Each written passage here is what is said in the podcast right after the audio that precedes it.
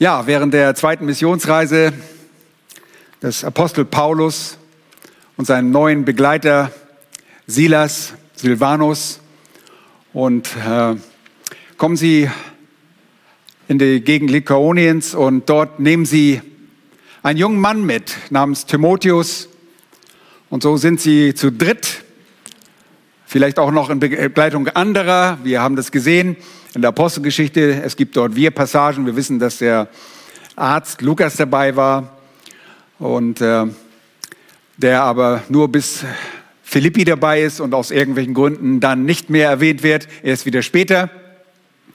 Aber es ist ein kleines Missionsteam unterwegs und sie kommen nach einer schweren Zeit in Philippi nach Thessalonich, einer großen Stadt in Westmazedonien und äh, verkündigen dort das Evangelium. Und sie gehen zuerst dort in die Synagoge, wo sie die gottesfürchtigen Juden antreffen, zu hoffen, hoffen anzutreffen. Und einige von ihnen sind tatsächlich so gottesfürchtig und vorbereitet, dass sie auch das Evangelium annehmen. Andere wiederum sind zutiefst verärgert, zur Eifersucht gereizt, so dass es schon nach drei Wochen dazu kommt, dass das Missionsteam aus der Synagoge getrieben wird. Das Missionsteam verharrt nur wenige Monate dort in Thessalonich und sie müssen weiterreisen. Es gibt einen größeren Auftrag, als nur dort in Westmazedonien das Evangelium zu verkündigen. Von da aus nach Beröa und dann auch nach Achaia, in die römische Provinz Achaia. All diese Dinge sind sehr wichtig, dass wir sie im Hinterkopf haben, wenn wir jetzt uns diesen Text anschauen. Paulus und seine Begleiter machten sich Gedanken darüber. Sie hatten großes Verlangen, die Gläubigen in Thessalonik zu sehen. Aber sie konnten nicht. Und so machten sie sich Gedanken, ob ihr Glaube nun ähm, Schiffbruch erleiden würde. Und so schickten sie den geliebten Timotheus zurück. Und dieser Timotheus war gerade zurückgekommen zu Paulus und seinen Begleitern und wahrscheinlich auch Silas, der nach Philippi geschickt wurde.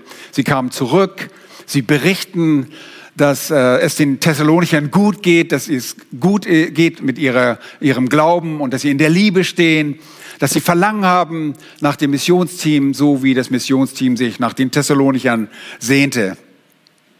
Und wir kommen in diesen wunderbaren Brief und wir sehen diesen Brief, die ersten drei Kapitel, einen Brief, der die große Dankbarkeit der Missionare gegenüber Gott ausdrückt für die neu entstandene Gemeinde. Und sie waren sich so sicher über die Tatsache der Errettung dieser Menschen, die sie dort angetroffen hatten. Einige waren, wie gesagt, aus den Juden, andere aus den Heiden. Sie waren zum Glauben gekommen und äh, dieses Missionsteam gedenkt an das wunderbare Werk des Glaubens, das sie dort in Thessalonich äh, äh, erlebten. Sie erinnerten sich an ihre Bemühung in der Liebe. Sie erinnerten sich an das standhafte Ausharren in der Hoffnung auf den Herrn Jesus Christus. Und all das machte, sie, füllte sie nur mit Dankbarkeit. Sie wussten sehr wohl, dass es sich hier um eine wahre Gemeinde, um wahre Gläubige handelte. Und als solche adressieren sie auch diese Gemeinde. Nun, wir kommen im zweiten Kapitel dazu, dass äh, Paulus wiederum und auch seine Begleiter Dank ausdrücken und äh, sie führen ihn nochmals, das Missionsteam führt der Gemeinde nochmals vor Augen, wie ihr Verhalten unter ihnen war. Äh, und so habe ich dieses zweite Kapitel bisher in den ersten Versen bezeichnet als ein gültiges Muster für geistlich äh, effektive Leiter. Und ihr werdet auch gleich sehen, warum wir das so genannt haben. Ich lese nochmal den Text aus 1. Thessalonicher Kapitel 2, die Verse 1 bis 12. Ich mache ein paar wenige Kommentare dazu immer noch voller Dankbarkeit sagt, denn ihr wisst selbst, Brüder, dass unsere Eingang bei euch nicht vergeblich war. Hier seht ihr die Effektivität. Es ist eine geistliche Effektivität.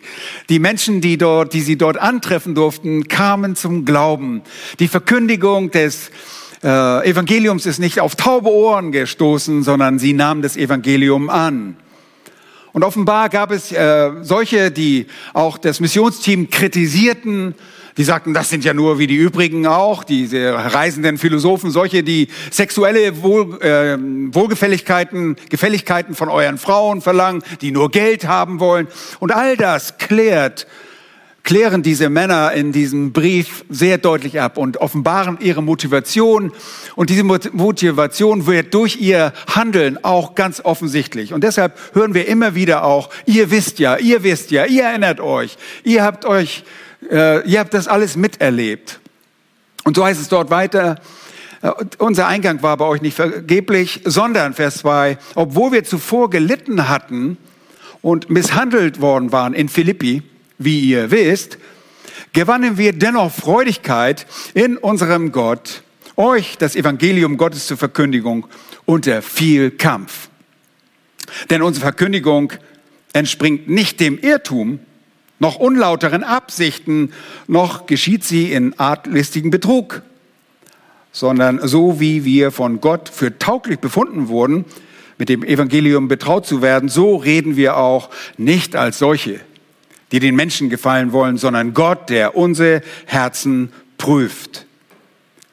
Denn wir sind nicht, nie mit Schmeichelworten gekommen, wie ihr wisst, noch mit verblümter Habsucht. Gott ist Zeuge.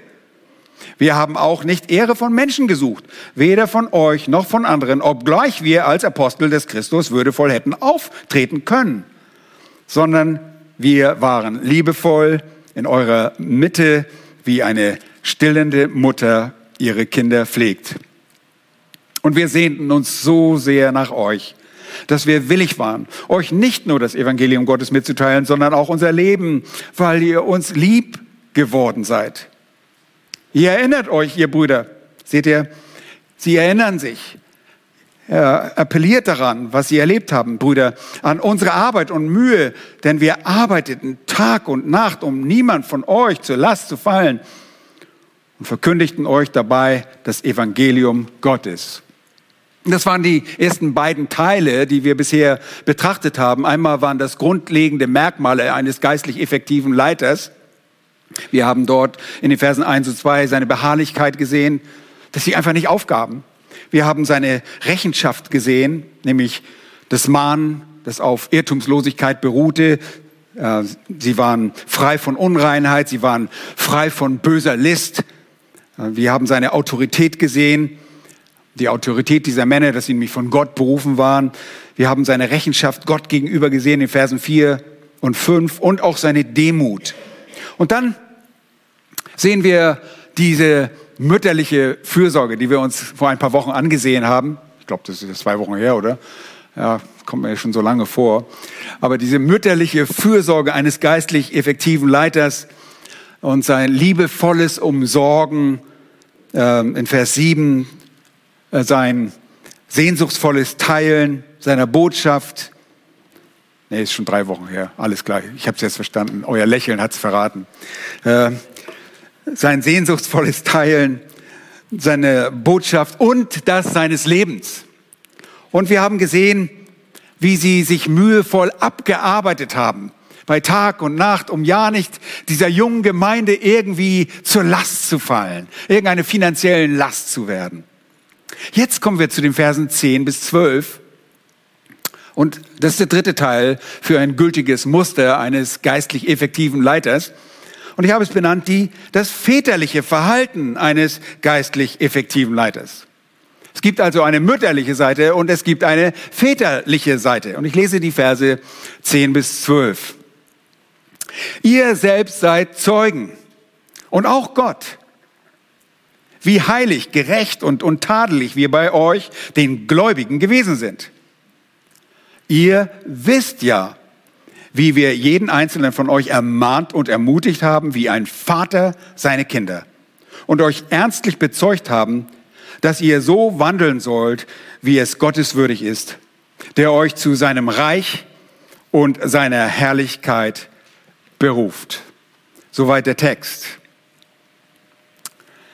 Nun, der erste Punkt, den ich machen möchte, ist sein ähm, ein Merkmal, das sind drei Merkmale. Das erste Merkmal ist sein offenkundig gutes Lebensmuster unter den Gläubigen. In Vers 10. Sein offenkundig, gutes, man kann auch sagen vorbildliches Lebensmuster unter den Gläubigen. Das macht einen geistlich effektiven Leiter aus. Er sagt, ihr seid selbst Zeugen. Und auch Gott, wie heilig, gerecht und untadelig wir bei euch, den Gläubigen, gewesen sind. Der Schreiber des, äh, die Schreiber des ersten Thessalonicher Briefes erinnern an dieses offenkundige, offensichtliche Verhaltensmuster unter den Geschwistern. Und dafür rufen sie die Gläubigen in den Zeugenstand. Und das dürfte bei den Thessalonichern gute Erinnerungen hervorgerufen haben. Wie waren, oder genauer gesagt, wie wurden die Männer des Missionsteams unter den Thessalonichern? Anders ausgedrückt, wie verhielten sie sich unter den gläubigen Thessalonichern? Nun, an dieser Stelle wird das Verb Ginobal benutzt. Das bedeutet an dieser Stelle, in diesem Zusammenhang, einen bestimmten Zustand zu kommen oder bestimmte Eigenschaften zu besitzen. Okay? Sie kamen und wurden und verhielten sich auf eine ganz bestimmte Art und Weise. Das, was jetzt beschrieben wird, was ihr und was wir hier als Adjektive, als Eigenschaftswörter sehen, heilig, gerecht, ja, und untadelig, die werden adverbial benutzt. Die beschreiben dieses Verb. Lass mich das einmal ganz kurz beschreiben. Sie reden nicht von dem Wesen dieser Männer, sondern von ihrem Verhalten. Wenn ich euch sage, meine Frau rief laut an dem Wasserfall den Namen ihres Kindes. Nun, dann beschreibt dieses laut ist eine Beschreibung des Rufens, aber er beschreibt nicht ihren Charakter. Ich habe keine laute Frau. Ich kann das bezeugen. Meine Frau ist wirklich nicht laut. Okay? Aber das ist genauso mit diesen äh, Eigenschaftsworten, die hier jetzt aufgeführt werden. Diese Männer in Vers 10, sie wurden so, sie verhielten sich so. Das, was jetzt kommt, sind Beschreibung des Verhaltens.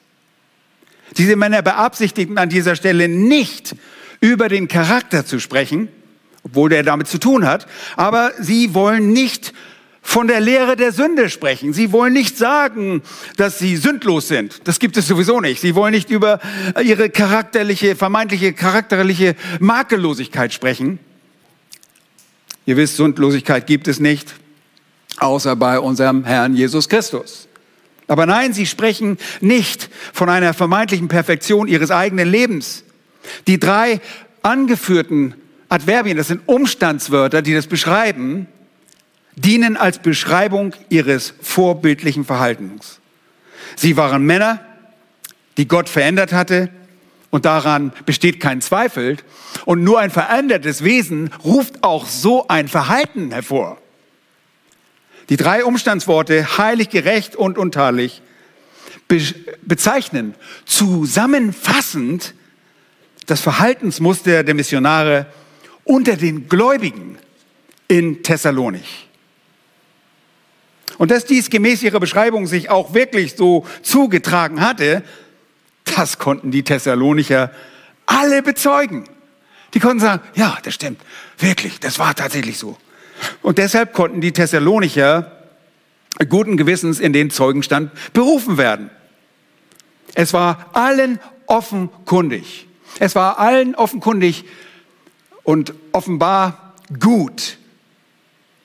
Was das war, was die Thessalonicher bei ihnen erlebt, was sie erlebten durch diese Männer. Sie, die Thessalonicher, waren Martyres, sie waren Zeugen. Von diesem griechischen Wort äh, leiten wir das Wort Märtyrer ab, weil Märtyrer zeugen und leiden für das, was sie bezeugen, nämlich ihren Glauben. Die Thessalonicher waren Zeugen, wie sich die Männer des Missionsteams unter ihnen verhielten. Und wir fragen uns, warum, warum gehen die Missionare so vor? Warum führen sie das an? Möglicherweise gab es schon Angriffe gegen dieses Missionsteam. Man hat ihnen einfach schlechte Worte nachgesagt. Vielleicht antizipieren, vielleicht erwarten diese Männer auch diesen Widerstand und er kommt gewiss. Das tut auch Paulus an anderen Stellen. Er sagt, es werden solche aus euren eigenen Reihen so kommen. Es werden reißende Wölfe kommen. Und er bereitet sie vor. Er sagt, aber erinnert euch bitte, wie wir euch, wie wir uns bei euch verhalten haben. Alle Anklagen gegenüber diesen Männern müssen abprallen. Und dafür waren die Thessalonicher Zeugen. Aber das ist nichts Einzigartiges. Das Leben eines jeden geistlichen, effektiven Leiters bleibt nicht verborgen bei den Gläubigen, denen er dient. Es wird offenbar, denn wie wir aus Vers äh, 8 gelernt haben, wurden die Empfänger den Missionaren so lieb, dass sie ihnen nicht nur das Evangelium brachten, sondern auch ihr eigenes Leben. Sie traten dieser Gemeinde sehr nahe.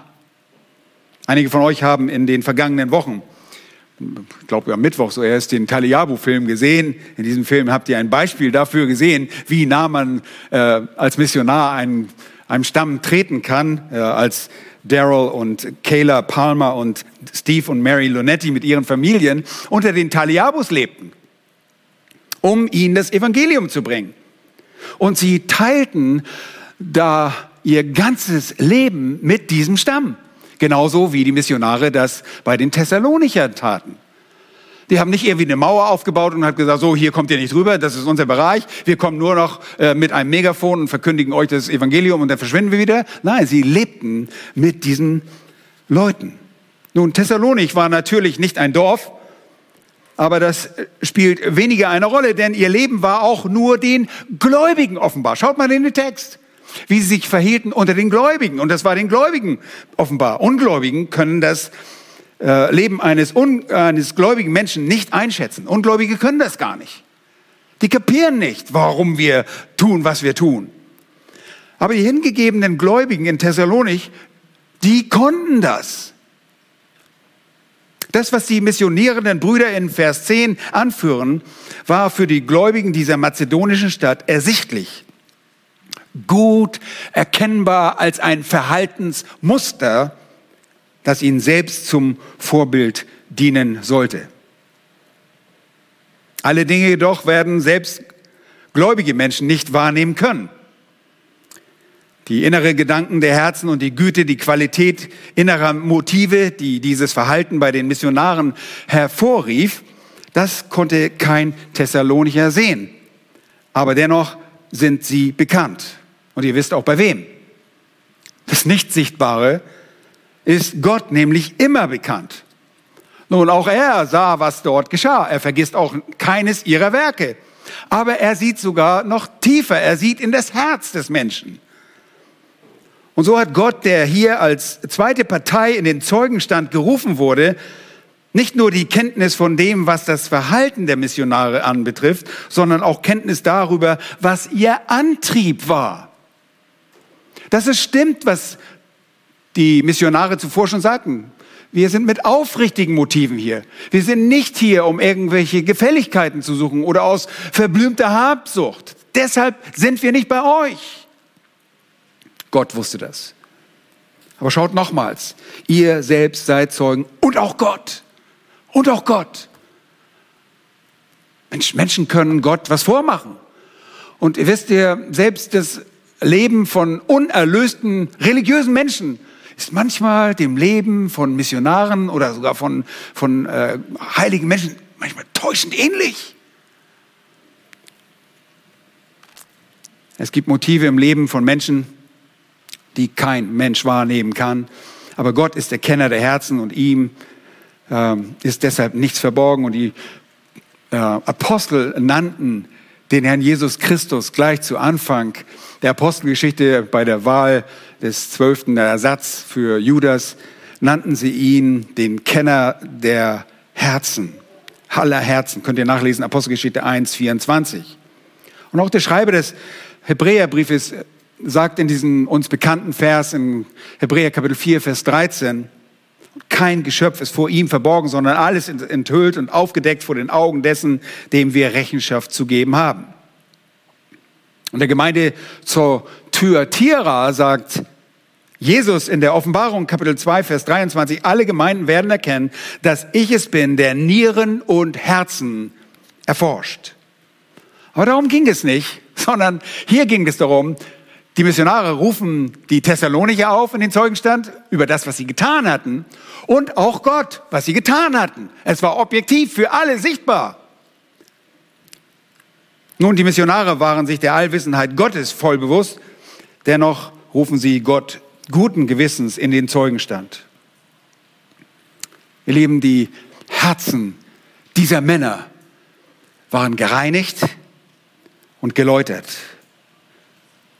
Sie wurden nicht nur geistlich erneuert, denn ihr Lieben, das sind wir als Gläubige alle. Sie waren geistlich geprüfte und erprobte und so von Gott in den Dienst gesandt, von ihm als würdig erachtet. Wir erinnern uns, darüber sprach und diese Männer bereits schon in den Versen zuvor. Ihre Motive waren rein und nur deshalb konnten sie sich heilig oder als erstes seht ihr hier dieses Wort heilig verhalten. Nun, das erste Wort heilig, ihr denkt, oh, das kenne ich, ja. Nun, das ist nicht das gewöhnliche Wort für heilig. Ähm, das Wort, das hier benutzt wird, ist das Wort, das mehr von der Gottergebenheit spricht. Das ist der Gedanke bei diesem Wort. Es spricht mehr von einer, von einem frommen Dahingegebensein, das öffentlich sichtbar ist, einem religiösen äh, Hingabe sozusagen ersichtlich wird. Gottergebenheit war sichtbar. Während Hagios, das gewöhnliche Wort, mehr die Absonderung als solches betont, und die Heiligung des eigenen inneren Lebens betont dieses Hosios, das äh, Wort heilig, das eigentliche Ergeben an Gott, die uneingeschränkte Bereitschaft, ihm zu dienen. Und es kann auch deshalb als fromm im Sinne von religiöser Frömmigkeit übersetzt werden.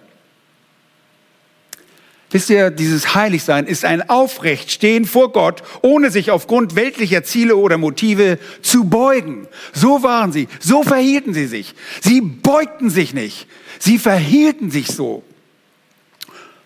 Und wie wir bereits gelernt haben, diese Männer hatten keine unlauteren Absichten und waren mit größter Bereitschaft dabei, dem Gott ihrer Liebe zu dienen. Sie waren entschlossen, und das drückt auch dieses Wort aus. Entschlossenheit zu dienen. Erinnert ihr euch an Vers 3? Schaut mal in Vers 3. Dort sagten sie, denn unsere Verkündigung entspricht nicht Irrtum, noch unlauteren Absichten, noch geschieht sie in listigen Betrug. Die in diesem Vers erwähnten inneren Motive konnte allein Gott beurteilen. Das Auftreten, das Verhalten war offenkundig von Güte und Gottergebenheit gekennzeichnet. Und das nicht in einer geheuchelten. Wisst ihr, dass man geheuchelt Gott ergeben äh, agieren kann und leben kann? Das geht. Diese Männer waren es nicht. Das konnten die Gläubigen in Thessalonich und Gott gleichermaßen bezeugen. Wisst ihr, woran man Heuchelei sehr schnell erkennt? Wenn es richtige Schwierigkeiten gibt dann sind die Heuchler ganz schnell weg. Und ihr habt gesehen, dass das bei diesem Missionsteam nicht der Fall war. Sie kamen bereits grau, blau und grün geschlagen in Thessalonich an. Zweitens waren sie, und so ist auch ein geistlich effektiver Leiter, er ist gerecht. Die Kaios, Vers 10b. Ihr seid Zeugen und auch Gott, wie heilig und gerecht wir bei euch, den Gläubigen, gewesen sind. Nun, das Verhalten der Missionare war nicht durch ihre vollständige Ergebenheit an Gott, nicht nur durch die vollständige Ergebenheit an Gott gekennzeichnet, sondern auch durch ihr gerechtes Auftreten. Alles, was sie taten, entsprach Gottes Vorgaben. Und dieses Gerecht betrifft in erster Linie das sittlich-moralische Verhalten, die praktisch gelebte Gerechtigkeit der Missionare. Sie lebten ein Leben der Gerechtigkeit. Und das, ihr Lieben, das ist unser aller Ziel. Das taten die Missionare, damit man dem nachfolgen kann. Und so werden diese Männer Vorbild für einen geistlich effektiven Leiter. In dem Text geht es nicht um die zugerechnete Gerechtigkeit der Gläubigen. Die besitzen wir ein für allemal als Gläubige. Nein, hier geht es nicht auch nur um den Vorsatz, den Willen Gottes zu tun. Es ist die tatsächlich gelebte Gerechtigkeit, ein gerechtes Leben, die die Missionare beispielhaft auslebten.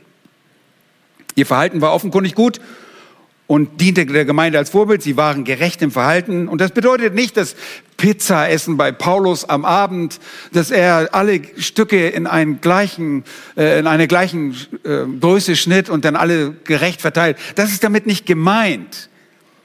Ein gerechtes Leben ist das Resultat des sich an Gott bereitwilligen Hingebens. Weil wir als Kinder Gottes von der Sklaverei der Sünde befreit wurden, sagt Paulus in dem Brief an die Römer, gebt auch nicht eure Glieder der Sünde hin als Werkzeuge der Ungerechtigkeit, sondern gebt euch selbst hin als solche, die lebendig geworden sind aus den Toten und eure Glieder Gott als Werkzeuge der Gerechtigkeit. Ich glaube, Luther sagt als Waffen der Gerechtigkeit. Ja. Es geht um ein gerecht geführtes Leben. Und die gelebte Gerechtigkeit, ihr Lieben, ist ein wesentlicher Schutz in unserem Leben. Und ich erinnere nur an eine Serie, die wir hier gepredigt haben aus äh, Epheser Kapitel 6. Da ging es um einen Brustpanzer, um eine Waffenrüstung. Erinnert ihr euch? Und der Brustpanzer der die vitalen Organe des, des Körpers schützt, ist der Brustpanzer der Gerechtigkeit. Und das ist nicht die zugerechnete Gerechtigkeit, sondern die gelebte Gerechtigkeit. Du bist geschützt, wenn du ein heiliges, gerechtes Leben führst. Dann bist du unangreifbar. Dann bist du geschützt. Und ihr wisst, ein Brustpanzer schützt wirklich nur diese Organe. So wie wir, wenn wir Polizisten sehen, es sei denn, das ist ein SWAT-Team, aber normale Polizisten haben normalerweise eine Weste an. Und unter dem Arm ist alles frei, die Arme sind frei, es ist kein Vollkörperschutz, aber die vitalen Organe sind durch eine kugelsichere Weste oder stichfeste Weste geschützt. Und so ist es auch, wenn wir ein gerechtes Leben führen, und das taten die Missionare, ein gerechtes Leben führten und nicht heuchlerisch, dann sind wir geschützt. Und daran erinnerten sich die Thessalonicher, ja, das taten die Missionare. Die waren wirklich gerecht. Die gelebte Gerechtigkeit ist wirklich erforderlich. Paulus sagt in Epheser 6, steht fest, eure Lenden umgürtet, mit Wahrheit angetan, mit dem Brustpanzer der Gerechtigkeit, lebt gerecht. Nun, sie waren heilig in ihrem Verhalten, sie waren fromm, Gott hingegeben, und sie waren gerecht. Und negativ werden, wird es jetzt ausgedrückt, sie waren in ihrem Verhalten untadelig. Untadelig, frei von Fehltritten in ihren Handlungen. Nochmals, es geht um ihr Verhalten. Hier wird das Wort untadelig, amemptos, das ist das Wort, das aus Kapitel, in Kapitel 5, 23 gebraucht wird, in dem Wunsch der Missionare bezüglich der Heiligung der Thessalonicher. Dort schreiben sie, er selber aber, der Gott des Friedens, heilige euch durch und durch. Und euer ganzes Wesen, der Geist, die Seele und der Leib möge untadelig bewahrt werden. Da ist das Wort. Untadelig werden bei der Wiederkunft unseres Herrn Jesus Christus. Und das Wort ist ein zusammengesetztes, man sagt ein Kompositum und äh, da gibt es ein, eine Vorsilbe, die wir auch oft, äh, sogar, im, das ist eingedeutscht, A, dieses A des Alpha, das ist ein äh, griechisches Alpha, es negiert das Adverb, dieses Umstandswort. Es ist ein ähm, Alpha Privativum, ein beraubendes Alpha. Es dreht das um, was, was gesagt wird. Zum Beispiel, ihr wisst alle, was ein Atheist ist. Das Wort kommt einmal im äh, Epheserbrief vor ohne Gott zu sein. Theos ist Gott. Ein A-Theos ist einer, der ohne Gott ist. So waren wir, bevor wir gläubig wurden. Und dieses Wort A negiert es. Sie haben keinen Tadel. Alle ihre Handlungen waren ohne Tadel. Und es ist entscheidend. Keiner konnte etwas vorbringen. Keiner konnte sagen, aber nein, du hast mich übervorteilt. Du hast mir Unrecht getan. Du hast dich nicht richtig verhalten du warst nicht Gott ergeben oder du hast mich aufs Kreuz gelegt. Nein. Und wisst ihr was? Auch wenn das ihr Verhalten ist, spiegelt es trotzdem etwas von ihrem Charakter wider. Denn kein Mensch, der nur ein Scharlatan ist, der ein Heuchler ist, kann so auf Dauer leben. Und damit meinten diese Missionare nicht, dass sie nicht sündig waren. Wir sehen sogar, dass sie Fehltritte hatten an, anderen Orten. Ich denke nur an Petrus, wie er heuchelte und äh, Paulus ihn zurechtweisen musste. Es ist nicht so, dass sie sündlos waren. Selbst Paulus bekennt, dass er sündig war. Aber er tolerierte keine Sünde in seinem Leben. Er räumte sie aus, weil in dem Moment, wo du in Sünde lebst, wird deine Brustpanzer brüchig und hat Löcher und du bist angreifbar. Oder du legst ihn ab. Deshalb müssen wir diesen Brustpanzer immer wieder aufnehmen. Jedes Mal, wenn wir uns reinigen. Nun, ein effektiver, geistlich effektiver Leiter weiß, dass letztlich Gottes Urteil zählt aber dass auch die Geschwister durch Beobachtung deutlich das gute Verhalten der Leiter erkennen können. Nun, das ist die Grundlage für das väterliche Verhalten. Das es geht, das fasst das alles zusammen, wie sich auch Väter verhalten müssen. Und das kommt jetzt in Vers 11. Zweiter Punkt. Sehen wir das zweite Merkmal, seine ausgewogene Unterweisung aller. Das zweite Merkmal ist das, seine ausgewogene Unterweisung aller. Nun von der sanften Fürsorge einer Mutter in Vers 8 zu einer neuen Metapher, neuen Bild wechselnd, ist Paulus mit seinen Begleitern nun wie ein Vater, der sich mit seinen eigenen Kindern individuell beschäftigt. Wir lesen nochmal Vers 11. Da heißt es, ihr wisst ja, wieder, ihr wisst, wie wir jeden einzelnen von euch ermahnt und ermutigt haben, wie ein Vater seine Kinder. Und aus diesem Bild wird es nun ganz deutlich, dass die neuen Gläubigen, und das waren sie durchweg, die neuen Gläubigen in Thessalonik sich nicht überschätzen sollten und die Missionare es ihren Zöglingen auch wissen ließen, dass sie geistliche Kinder waren. Die Thessalonicher waren in der Tat geistliche Kinder. Da steht das Wort Tekna ist Kinder und in dem Kontext, aus dem Kontext geht hervor, dass es geistliche Kinder sind. Ist ja logisch. Sie wurden durch das Wort der Wahrheit gezeugt, so wie die Schrift das uns sagt. Durch den unvergänglichen Samen des Wortes wird ein Mensch gezeugt, kommt zum Glauben, sie kommen zur Erkenntnis der Wahrheit und dann sind sie geistliche Babys und Kinder. Und dieses Wort wurde durch das Leben der Missionare geziert, dass sie dann verkündigten, dass durch das die Thessalonicher zum Glauben kamen.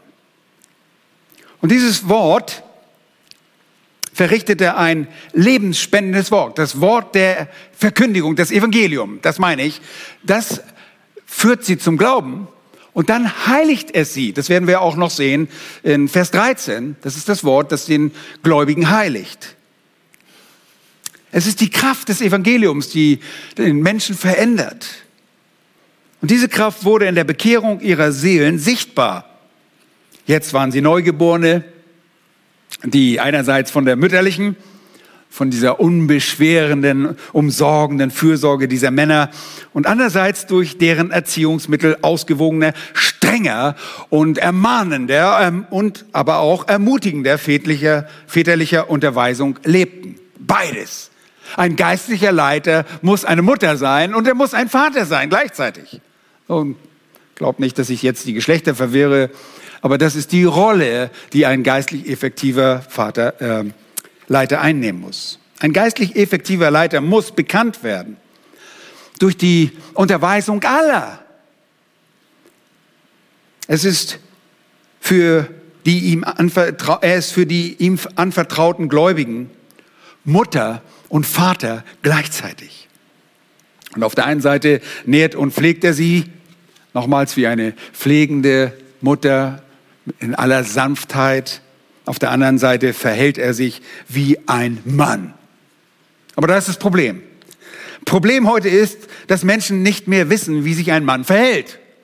Ich meine, einige wissen nicht mal, was ein Mann ist. Immer die, die Verwirrung der Geschlechter. Ja, eine sagt, bitte ein Mann, oh, ich weiß, definier mal Mann für mich. Äh, kann ich nicht, äh, bin, bin nicht sicher. Nun, bei all dem Gerangel um die Gleichstellung der Geschlechter und diese Verwischung der Geschlechter haben es viele verlernt, männlich zu handeln. In 1. Korinther 16, Vers 13 fordert Paulus bereits die Korinther diesbezüglich auf. Er sagt, wacht, steht fest im Glauben, seid mannhaft. Und dann definiert er das, seid stark. Es bedarf des Mutes. Es bedarf der Stärke. Ein Mann muss stark sein. Und physisch ist er das auch gemacht. Aber das darf nicht allein der Sinn sein und Sinn bleiben für einen geistlich effektiven Leiter und auch nicht für einen geistlich effektiven Vater. Auf keinen Fall. Es reicht nicht, dass du in die Muckibude gehst und sagst, oh, ich muss ordentlich pumpen, damit ich Kraft habe. Du brauchst geistliche Kraft. Du musst für deine Familie stark sein. Du musst für deine Frau stark sein. Jammerlappen, Windfädchen und Weicheier, sensible Warmduscher kann Gott nicht gebrauchen. Das Gleiche, was für die Gemeinde gilt, gilt auch für die Familie. Ein Mann muss vorangehen. Und ich war so erfreut in der vergangenen Woche, in dieser Woche, jetzt gerade erst vor ein paar Tagen, bekam ich einen Brief von einem meiner ehemaligen Praktikanten aus Kanada, der damals noch nicht verheiratet war. Tim, ihr erinnert euch, Kinder, ja, kleiner Junge, in der Zeit, als er bei mir im Praktikum war, verliebte er sich. Er kam aus New York und er verliebte sich in ein junges Mädchen und heiratet auch später. Sind jetzt seit 26 Jahren dort im Norden Kanadas Missionare. Und ich war so dankbar, als er sagte, ich muss die Mission verlassen. Und dann brachte er den Grund vor, und da zeigt er auf, dass die Mission ver, verlässt einen gewissen Standard. Damals sind wir auch aus diesen Gründen gegangen, weil die Mission äh, sich in Psychologie verstrickt hatte. Aber dieser Mann erkannte auf einmal, sie verwischen die Geschlechter in der Mission. Die Mission sendet auf einmal ähm, weibliche äh, Gemeindegründer aus. Und die sagen, ja, wir glauben an, eine egalitäre Sicht der Geschlechter äh, und glauben, dass die Gleichheit ist, was in, in der Gemeinde antritt Pastorin und so weiter. Und er sagte, ich kann nicht weitermachen. Nach 26 Jahren legt er ab und sagt, ich kann von meinem Gewissen her nicht mehr das tun. Das braucht Mut. Das braucht Mut. Ich erinnere mich selbst, als wir weggingen damals und wie die äh, Faxmaschine ratterte Tag und Nacht, weil man uns sagte, seid ihr verrückt geworden, warum verlasst ihr die Missionsgesellschaft? Es braucht einfach Mut, dafür aufzustehen, was richtig ist. Und das taten auch diese Männer. Diese Männer waren einfach treu. Was bedeutet das hier im Text, wenn es heißt, ihr wisst ja, wie wir jeden einzelnen von euch ermahnt und ermutigt haben? Er zeigt auf, dass die Missionare in der möglichen Situation diesen geistlichen Kindern einzeln nachgingen, weil es immer die Lage erforderte und sie es für wichtig erachteten. Wie? Schaut euch an, da gibt es drei Prinzip, äh, Partizipien, drei äh, Aufforderungen ähm, zwei davon werden in Vers 11 übersetzt. Das erste ist ermahnen. Schaut mal, ihr wisst ja, dass wir jeden einzelnen von euch ermahnt und ermutigt haben. Das erste ist ermahnen. Und das Ermahnen an dieser Stelle wird uns durch ein bekanntes griechisches Wort vor Augen gestellt. Und es könnte theoretisch auch Ermutigung heißen, aber weil es im Kontrast mit einem anderen, mit dem anderen äh, Wort von Trösten im Kontrast steht, hat es hier einen ermahnenden, einen korrektiven, einen äh, ernsten, eine ernste Bedeutung. Wir haben jeden einzelnen von euch ermahnt. Also nicht getröstet, sondern ermahnt. Das ist die eine Seite. Dieses Wort kommt äh, Allein im ersten Thessalonicher, bei Parakaleo, ihr wisst schon, dieses Wort heißt, es ist aus zwei Worten zusammen. Para heißt an die Seite kommen, Kaleo ist rufen. Wir kommen an die Seite eines und rufen ihn auf und ermahnen ihn. Wir weisen ihn zurecht. Das kommt allein im ersten Thessalonicher Brief achtmal vor. Aber es hat auch an einigen Stellen den tröstenden Charakter. Hier an dieser Stelle hat es den mahnenden Charakter. Ein Vater ist in der Erziehung seiner eigenen Kinder damit beschäftigt, jedes einzelne Kind zu ermahnen. Und bei der Ermahnung, und das trifft auch auf das Ermutigen zu, gibt es nicht nur eine Standardrede oder ein allgemein gültiges Formular, das man bei Kindern anwendet. Oh, gib mir mal ein Buch, damit ich dieses Formular auswendig lerne. Nein, das ist auf jede Person einzeln zugeschnitten. Kinder einer Familie unterscheiden sich stark voneinander. Was für den einen gilt und wichtig ist, das mag den anderen nicht gleichermaßen betreffen. Und das ist auch in der Gemeinde so. Wir lehren und nähren euch alle mit dem Wort Gottes. Und zwar auch wie eine Mutter ihren Säugling. Und das bedeutet, dass es leichte Kost gibt. Aber von der Kanzel gibt es normalerweise ein Gemisch. Da gibt es nicht nur Milch, sondern gibt es auch ein bisschen festere Speise und einiges ist sogar so fest, dass einige von euch sich vielleicht daran verschlucken und sagen, uh, habe ich überhaupt nicht verstanden, was soll das? Na, wenigstens wisst ihr, dass ihr noch was lernen müsst. Aber diese Speise ist wichtig, dass man sie den Kindern gibt. Als Ermahnung. Wir ermahnen nicht, weil es unsere Präferenzen weil es nicht uns gefällt, was, was Kinder tun, weil es unsere Präferenzen sind, sondern weil wir sie auf Grundlage der Schrift ermahnen und sie in der Ermahnung und Zucht des Herrn erziehen. Und ihr Lieben, genau so handelten die Missionare in dieser Gemeinde. Sie behandelten diese geistlichen Kinder und sie ermahnten jeden Einzelnen. Heute tun wir das auch. Vor allem bei Neubekehrten aber auch andere. Wir tun das ja nicht nur persönlich in Einzelgesprächen. Äh, das wäre, glaube ich, eine, das ist eine falsche, eine Schlussfolgerung, die nicht korrekt ist, weil wir sind eine Herde und der Hirte führt seine, äh, seine Herde auf eine Weide, wo sie gemeinsam genährt werden. Aber manchmal kommt es vor, dass wir jemanden einzeln ermahnen müssen. Was nicht schlecht ist. Denkt nicht, dass das etwas Schlechtes ist. Oder findet ihr es schlecht, wenn ihr eure Kinder als Väter ermahnen müsst und sagen müsst, nein, das geht nicht. Du kannst hier nicht über die Straße laufen. Wenn jetzt ein Auto kommt, dann passiert ein Unglück. Nein, wir erklären, wir ermahnen nach mit Nachdruck und das mit Belehrung. Und das tun wir nicht nur im Einzelgespräch, sondern Paulus sagt später sogar seinem äh, geliebten Kind im Glauben, dem Timotheus, im zweiten Timotheus, dass er das Wort predigen soll, und zwar auf eine ganz bestimmte mahnende Art und Weise, mit aller Belehrung, mit Tadel und mit Belehrung. Ermahnen heißt belehren. Nun, das ist nicht Schlechtes. Das macht ihr mit euren Kindern. Und so wie wir es bei Menschen, die zum Glauben gekommen und vermehrt tun müssen, weil sie noch klein sind und noch keine Orientierung haben. Und ein Baby müsst ihr nicht sagen, du musst jetzt trinken. Nein, das tut es schon. Aber wenn es denn zu kleinen Kindern wird, ihr wisst, wir denken manchmal, die kriege ich nie und dann nur einen Hut oder die kriege ich nie dahin. Das ist viel Arbeit, das wissen wir. Wir haben großes Verständnis dafür. Und wenn hier mal ein Kind quakt oder irgendeiner mault, dann ist das nur okay. Dann ist es eure Aufgabe, geht dem nach und ermahnt dieses Kind, sich so zu verhalten, wie es sich verhalten soll. Und so wie wir es bei Menschen tun, so müssen wir das in der Gemeinde tun. Also Väter bei ihren Kindern, so müssen wir das auch hier in der Gemeinde tun. Selbst wenn aus Kindern junge Leute oder reifere Personen geworden sind. Und dann ist da auch das Ermutigen. Es ist nicht nur dieses ähm, ernsthaftere Zurechtweisen, ähm, sondern es ist auch das Ermutigen.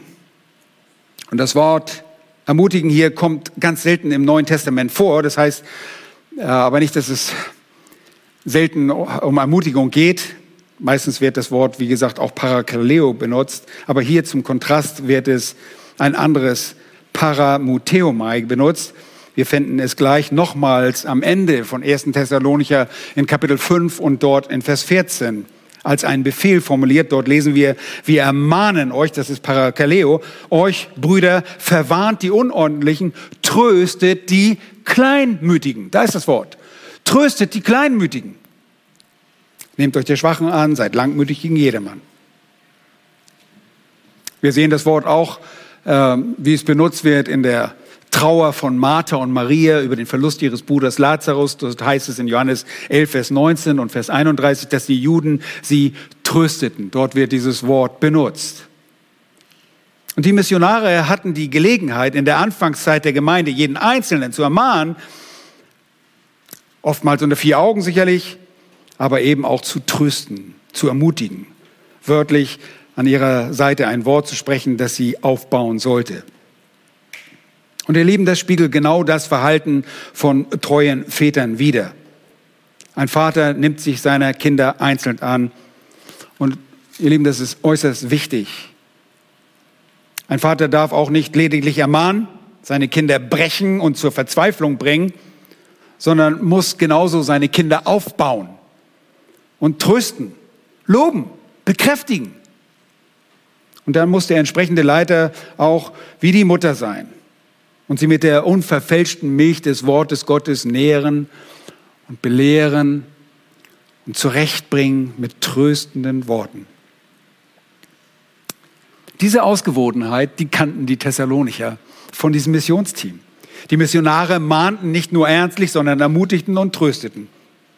Und dieses ausgewogene Vorgehen war der drei Männern so wichtig, dass sie es allen Thessalonichern im Umgang mit den Kleinmütigen als Ermahnung weitergaben. Wie gesagt, wie ihr schon gelesen habt im Kapitel 5, Vers 14. Nun, wer sind Kleinmütige? Das sind Kleinbeseelte tatsächlich. Äh, das ist auch ein zusammengesetztes Wort, kleinbeseelt, äh, kleinen Mut, mit wenig Mut oder kein Mut. Wenn Leute mutlos geworden sind, dann muss man Leute ermutigen. Und nicht nur, ja, das wird schon wieder Standardformular, sondern dann sagt man, weißt du was, schau mal das Wort Gottes. Es gibt Zeiten, es gibt Zeiten, es wird immer Zeiten geben, wo wir entmutigt sind. Selbst die geistlichen Leiter waren entmutigt. Paulus redet davon, dass es ihnen Mut gemacht hat, als er von dieser guten Nachricht gehört hat. Sie brauchen Ermutigung. Wir alle brauchen Ermutigung. Das alles sind wichtige Dinge, die über einen geistlich effektiven Leiter lernen. Und solche Leiter sind Hirten. Das dürfen wir bei all dem nicht vergessen. Eine kleine Warnung, ich habe es schon kurz erwähnt, es geht bei dem Thema nicht um die Einzelernährung einer Herde. Die Herde wird auf die Weide geführt. Und nachdem der Hirte und die Leiter die Sicherheit des Umfeldes einer Weide geprüft hat, und das ist tatsächlich so. Hirten gehen auf eine Weide und prüfen das. Das ist so, wie wir den Text prüfen sozusagen und ihn erarbeiten. Wir müssen ihn nicht äh, gucken, ob er äh, giftig ist. Das Wort Gottes ist nie giftig. Aber es gibt in Israel zum Beispiel Giftpflanzen. Es gibt schädliche Pflanzen, es gibt äh, gefährliche Situationen für Schafe.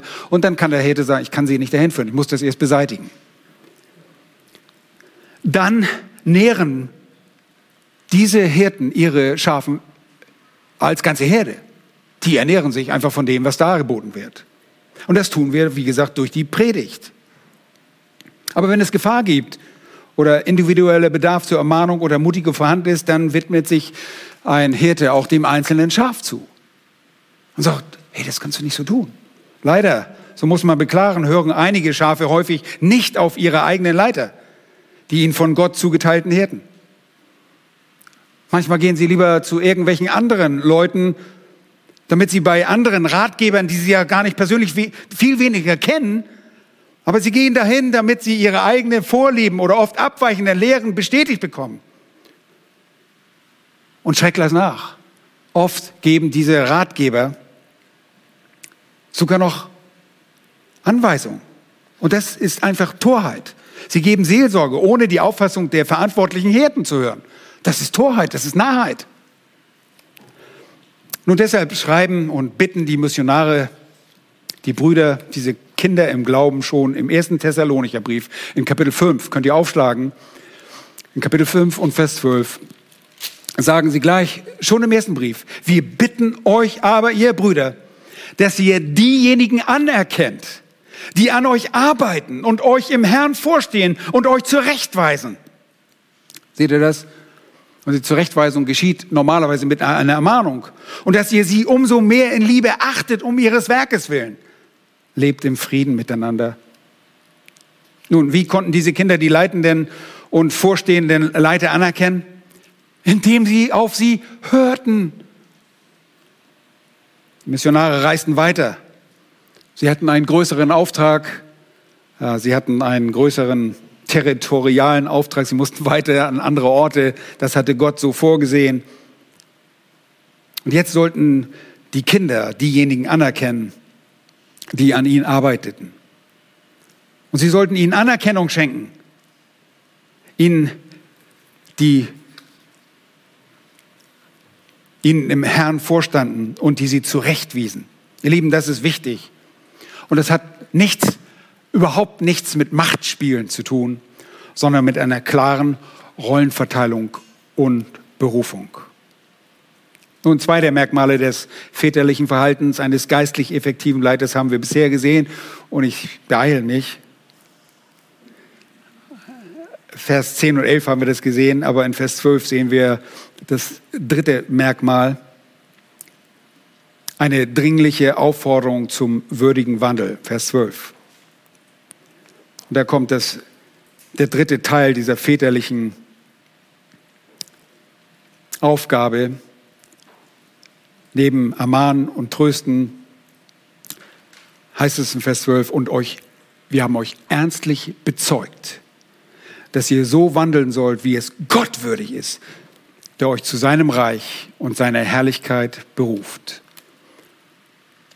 Wisst ihr, diese Missionare haben nicht nur eine, könntet ihr vielleicht, würdet ihr bitte vielleicht so leben, wie Gott es gesagt hat?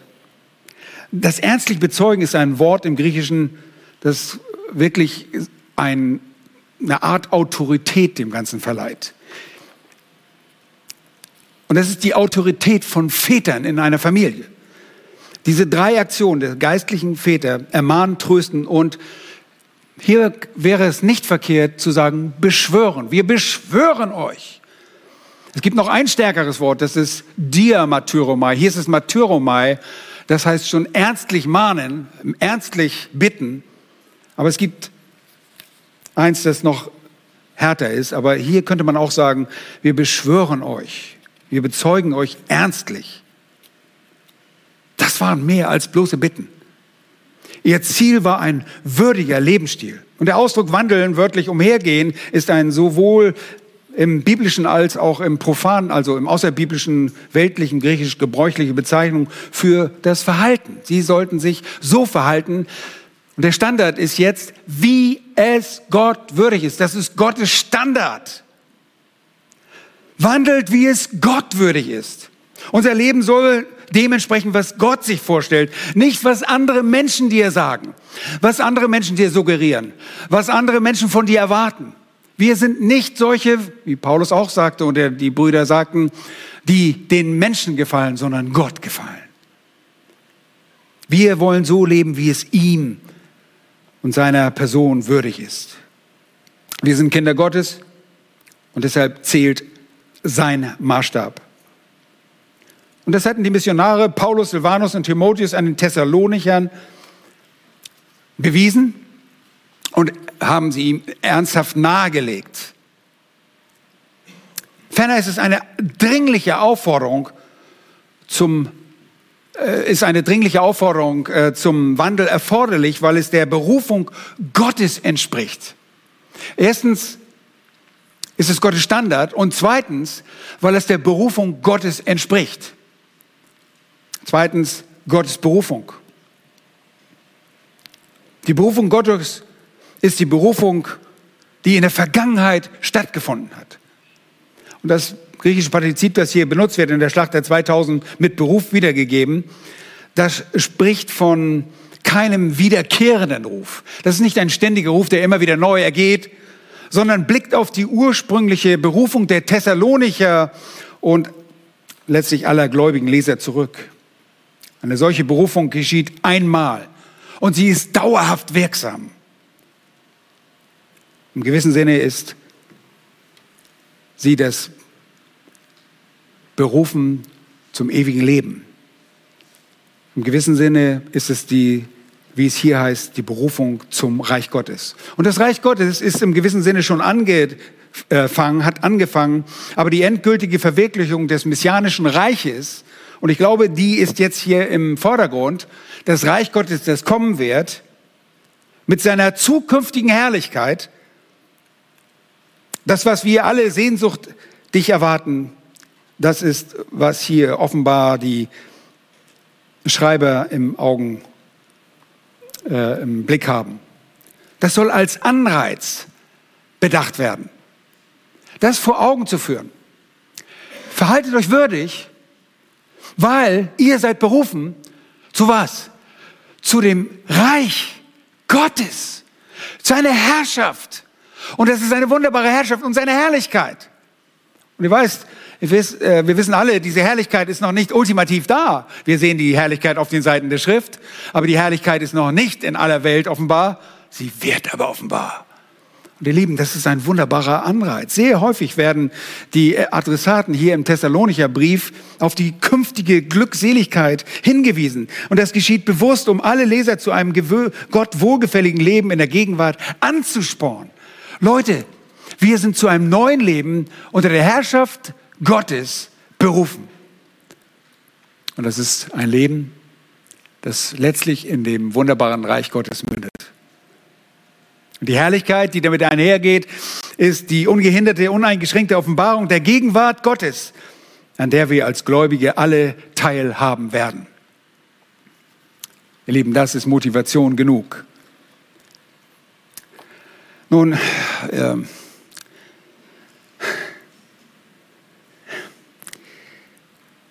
ich kann nicht aufhören, um euch nicht, ich muss euch sagen, dass Jesus derjenige ist, der das ultimative Bild eines geistlichen, effektiven Leiters äh, gegeben hat. Und wir haben da vor der Predigt von gesungen. Er ist unser Hirte. Er war einfühlsam mütterlich und er war auch streng tröstend väterlich. Und das ist er immer noch durch sein Wort. Ihr Lieben, schaut auf Jesus. Und das ist interessant. Jesus ist väterlich in der Hinsicht, dass er sogar so genannt wird. Wir haben äh, vorhin vom Friedefürst gesungen, das kommt auch aus Jesaja 9, Vers 5. Da ist sein Name ewig Vater, Friedefürst. Jesus ist der ewig Vater, der Vater der Ewigkeit. Und deshalb ist er unser ultimatives Vorbild. Aber es gibt andere Vorbilder, die Gott uns gegeben hat in unseren lokalen Gemeinden. Möge der Herr schenken, dass wir diesen Muster, diesem allgemeingültigen Muster für geistlich effektive Leiter nachjagen. Das ist mein Wunsch. Nun, wenn du dies liest, dann denkst du, okay, das ist für die Leiter. Nein, es ist auch für dich. Auch du sollst dich so verhalten, dass du heilig, Gott ergeben bist, dass du gerecht bist und dass du untadelig bist in all deinem Verhalten. Auch du musst dich ermahnen lassen und andere ermahnen. Ermahnt einander, tröstet einander. Auch das ist ein Befehl, der an alle geht. Gleichzeitig sollt ihr wissen, dass wir eines Tages mit großer Freudigkeit in das Reich Gottes eingehen werden. Und da wird es keine schreienden Kinder geben, keine meckernden Kinder, keine meckernden Ehemänner, keine meckernden Ehefrauen. Da wird es keine Probleme, ihr braucht keine Versicherung mehr. Ihr, aber weißt, wisst ihr, was das Schönste ist? Ihr werdet in aller Unverhülltheit die Herrlichkeit des Herrn Jesus Christus sehen. Ich weiß, das andere ist auch ein Anreiz für euch, aber die Herrlichkeit des Christus zu sehen. Und deshalb wollen wir jetzt damit beginnen, uns recht zu verhalten, schon jetzt so zu leben, wie es seiner würdig ist. Lass uns das tun. Lass uns auch beten.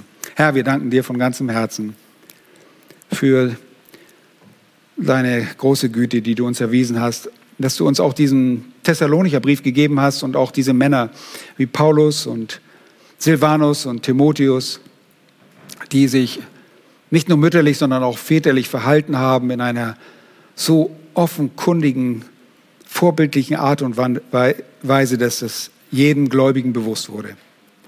Herr, danke, dass Sie bewusst und ausgewogen gelehrt haben, dass Sie ermahnt und ermutigt haben und dass Sie auch auf, eindringlich oder dringlich dazu aufgefordert haben, zu einem würdigen Wandel. Und das wünschen wir uns auch, weil du möchtest, dass wir dir gefallen. Herr, wir wollen dir Ehre bringen. Wir wollen deinen Namen nicht in den Dreck ziehen. Herr, so danken wir dir für diese wunderbare Berufung, dass wir Bürger deines Reiches sein werden und schon jetzt unter deiner Herrschaft stehen und eines Tages deine volle Herrlichkeit sehen. Oh, wir freuen uns darüber. Möge das uns nachhaltig prägen in unserem Wandel, um deines Namens willen. Amen. Amen.